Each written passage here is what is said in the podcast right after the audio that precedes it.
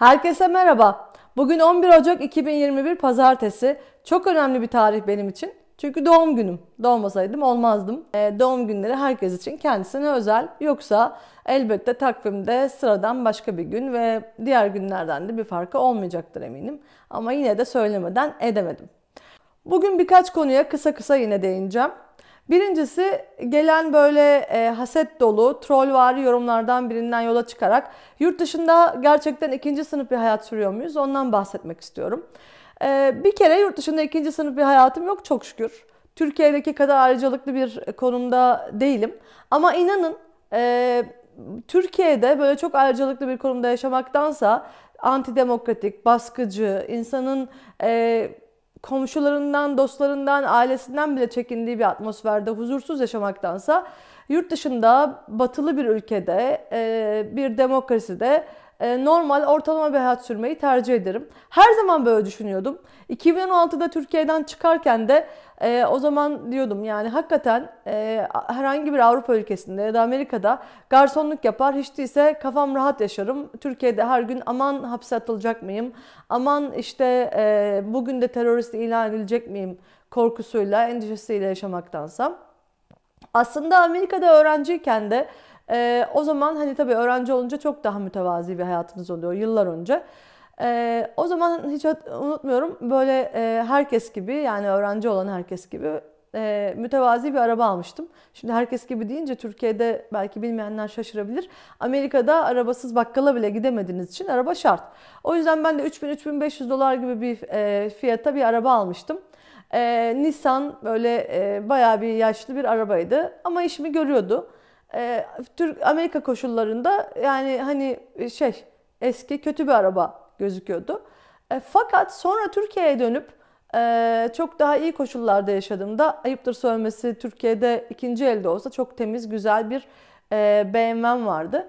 E, ama Türkiye'de o bana mesela çok aşırı bir mutluluk ya da şey vermiyordu. Çünkü Türkiye gibi e, yani ortalamanın düşük olduğu, insanların fakirlikle boğuştuğu, trafikte medeniyetin olmadığı bir ülkede BMW ile e, yani yaşamaktansa gerçekten Amerika'daki o öğrencilik hayatındaki Nissan bana daha çok mutluluk vermişti. Bunu niye örnek verdim? Çünkü gerçekten bence medeni bir ülkede ortalama olmak geri kalmış bir ülkede e, ayrıcalıklı olmaktan e, daha evladır. Yani hani belki abartılı bir örnek gelecek ama ben Sabancıların bile mesela Türkiye'de çok rahat ettiğini, huzurlu olduğunu düşünmüyorum. Bir kere hani mesela sürekli bir mala mülke el konulma kaygısı. İşte sonuçta ne kadar zengin olursanız olun siz de o toplumda o kuralların olmadığı, insanların birbirine saygı göstermediği, herkesin birbirini ispiyonlamak için yarıştığı huzursuz bir toplumda zengin olarak yaşamak bilmiyorum ne derece e, yani güzel yani bir şey tabii rahattır da e, ona şüphe yok. Ama demek istediğimi anladınız diye düşünüyorum. Evet gelelim e, ikinci konumuza Amerika'daki gündem. Amerika hala 6 Ocağın şokunu e, atlatmaya çalışıyor ve hala haber kanalları gece gündüz bunu tartışıyor. Neler olduğunu analiz ediyorlar. Gerçekten de aslında kısa sürmüş bir e, baskın gibi gözükse de içeridekiler o anda e, canlarının e, tehlikede olduğunu düşünmüşler e, milletvekilleri ve onların personeli. Çünkü gerçekten kontrolsüz bir kalabalık. İşini yapamayan güvenlik güçleri zaten daha sonra güvenlik güçleri istifa etti. Yani burada sadece beyaz göstericilere yeterince tepki vermeyen ya da yumuşak davranan polis kadar istihbaratın da zayıflığı ve eksikliği söz konusu. Zaten Amerika'da bunu tartışıyor şu anda. Ama tartışılan daha önemli bir konu bundan sonra Trump için ne yapılacağı. E, o günden beri e, acaba Trump azledilecek mi? E, kendi başkan yardımcısı da bu ihtimale sıcak bakıyor. Tabii 6 Ocak'ta Trump e, başkan yardımcısı Mike Pence'i de bir anlamda sattı. Göstericilere, destekçilerine onu e, hedef gösterdi. Hatta göstericiler e, meclis binasına Pence'i hedef alarak girdiler. Dolayısıyla Pence e, bu Trump'ın e, tavrından elbette çok rahatsız, sinirli. Bugün demokratlar bir yasa teklifi verecekler. Artık demokratların kontrolünde kongrede. E, peki ne olabilir? Topu topu 10 gün kaldı denilebilir. Burada amaç e, Trump'ın bir daha herhangi bir e, koltuğa, makama talip olma, olmaması, olmasını engellemek. E, onun dışında tabii E, medya şunu da sorguluyor. Şimdiye kadar bu Cumhuriyetçi Parti'den hiç kimse Trump'a dur demedi. Aslında baştan beri belliydi bu adamın başkan olmaya liyakatinin olmadığı. Akli dengesi e, yerinde değildi bu açıdan. Başkan olmaya uygun değildi. Dengesiz, narsist, e, ırkçı söylemleri olan, e, sürekli bir e, kışkırtmayla, kutuplaştırmayla e, günlerini geçiren bir başkan gördük son 4 yılda. E, bardağı taşıran son damla 6 Ocak'tı ama Cumhuriyetçi Parti şimdiye kadar bu ateşe odun attı maalesef. Biliyorsunuz e, Twitter başta olmak üzere pek çok sosyal medya platformu Trump'ın hesaplarını askıya aldı. Bu tartışılıyor. Acaba işte bu e, bir dijital diktatörlüğe mi yol açar diye. Bu konuda benim kafam biraz karışık. Çünkü Trump'ın elindeki megafonun e, alınması gerekiyordu. Yani sonuçta e, yalanlarıyla, kışkırtmasıyla en az 4 insanın mesela ölümüne sebep oldu. E, dolayısıyla Twitter'ın yaptığı gecikmiş ama doğru bir hareket. Ama Twitter evet özel bir şirket ama aynı zamanda bu özel şirketler aslında artık günümüzün e, günümüzde medya işlevini görüyor. Yani kimi ne zaman engelleyebilirler, nasıl olabilir? Bunların hepsi tartışılması gereken konular. Ama Trump özelinde bu yapılan işin yanlış olduğunu düşünmüyorum. Ee, teknoloji demişken son günlerde Türkiye'de WhatsApp üzerinden bir inanılmaz bir yaygara kopuyor. İşte silelim mi güvenlik e, bilgilerimiz kullanılıyor mu vesaire. Yani Türkiye söz konusu olunca ben bu tartışmaları adeta komik buluyorum. Çünkü bu şeye benziyor yani kapı bacı açık, e, evin çatısı bile uçmuş ama pencerelerden birisi birisinden içeriye birisi girer mi diye korkuluyor. İşte pencerelerden içeri WhatsApp girer mi? Yani zaten Türkiye'de devlet sizin e, her türlü özgürlüğünüzü elinizden almış. Bırakın telefonunuzda e, bir uygulama olmasını olmadan uydurma listelerle, istihbarat listeleriyle bir komşunun, ailenizden birisinin sizi ihbar etmesiyle hemen terörist ilan edilebiliyorsunuz. O yüzden yani Türkiye'de ha WhatsApp kullanmışsın, ha Signal kullanmışsın, ha Telegram kullanmışsın. Ee, ben Türkiye'de olsam herhalde en açık, en herkesin kullandığı neyse onu kullanırım. Tabii devletin önerdiği değil. Çünkü o, yani o zaman istihbarata bütün belgiler, bilgilerinizi, resimlerinizi, videolarınızı falan teslim etmiş oluyorsunuz.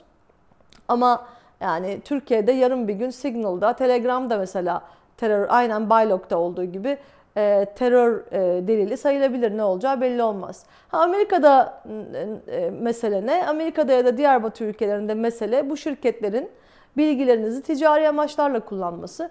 Ben bundan tam bir kaçış olduğunu düşünmüyorum. Yani bir şekilde kaçınılmaz olarak e, bu uygulamalara para vermediğiniz sürece böyle olacaktır. E, şirketler artık bu şekilde reklam veriyorlar, reklam alıyorlar. E zaten yani çok da büyük hani yani şimdi sakıncası yok demeyeceğim. Elbette sakıncası var. Ne açıdan var? Bu şirketler sizin önünüze sadece sınırlı bilgileri koyduğunda ya da bazı haberler düşmeye başladığında bence endişe verici oluyor. Yoksa işte benim yaş grubum, e, cinsiyetim, işte tüketim alışkanlıklarımın yani bilinmesinin çok da bir önemi yok diye düşünüyorum. Ama dediğim gibi ben e, liberal bir düşünceye sahibim diye önüme sadece o konuda haberler düşüyorsa e, ve yan komşumun telefonuna başka haberler düşüyorsa işte bu endişe verici. Zaten tartışılması gereken kısım bu. Yoksa hani WhatsApp kullanmışsın, Signal kullanmışsın, Telegram falan çok fark etmiyor. Ayrıca zaten e, çoğunluk neredeyse onu kullanmak biraz kaçınılmaz oluyor. Ben sanırım hepsini bir dönem denemiştim. Tabii gazeteci olunca ister istemez Türkiye'de güvenliğe önem veriyorsunuz. Yoksa yani gizli saklı bir şey paylaştığından ettiğinden. Ama yine de kimse özel hayatının böyle apaçık herkesin önünde elinde olmasını istemez. Önemli bir konu ama bu Türkiye'dekileri çok da ilgilendirmiyor. Türkiye'de zaten dediğim gibi yani evin çatısı uçmuş, kapısı açık, pencerelerden bir tanesi daha açık olsa ne olur? Yani ne fark eder? Değinmek istediğim bir konuda Türkiye'de kimsenin e, konuşmaya cesaret edemediği sosyal medya dışında e, medyanın görmezden geldiği kaçırılan insanlar meselesi. En son kaçırılan isim de Hüseyin Galip Küçük Özyiğit isimli bir başbakanlık denetçisi olduğu söyleniyor. İhraç edilmiş bir bürokrat hapse girmiş çıkmış. E, ben hep söylüyorum insanların neden Türkiye'de kaldığına hele hele hapse girip çıktıktan sonra hiç anlam veremiyorum. Çünkü bu haydut devletin insanların peşini bırakmayacağı kesin. Ee, sonuçta MIT'in kaçırdığını da herkes biliyor bu insanları. Hatta saklandıkları yeri e, çiftlik diye anılan Ankara'nın göbeğinde işkence gördüklerini de herkes biliyor. Ama herkes sanki böyle bir e, durum yokmuş gibi işte üç maymun oynamaya devam ediyor. Aileleri açısından çok büyük bir acı. Türkiye için de büyük bir utanç. Yarın bir gün herkesin başına gelebilir. Ama işte insanlar sadece e, başkasının ya da devlet için sakıncalı insanların başına geleceğini düşünüyor. Sorun şu ki Türkiye'de kimin ne zaman devlet için sakıncalı olacağını bilmiyoruz. Dolayısıyla e, Türkiye kendi vatandaşına potansiyel sakıncalı, potansiyel terörist olarak davranmaya devam ettiği sürece e, WhatsApp'ı konuşmak Türkiye için maalesef bir lüks. Evet bugünlük de bu kadar olsun. Eminim başka bir sürü konu vardır. Ama Türkiye'deki bu kısır gündemden, tartışmalardan gerçekten ben usandım, bıktım aynı şeyleri söylemekten. Eminim siz de dinlemekten bir anlamda bıktınız ama başka çaresi de yok. Biraz tarihe geçsin, e, biraz da dertleşme olsun, içimizi dökelim diye konuşuyoruz burada. Geldiğiniz, dinlediğiniz için teşekkür ederim. Kanala abone olursanız ve paylaşırsanız bana doğum günü hediyesi olmuş olur. Teşekkür ederim.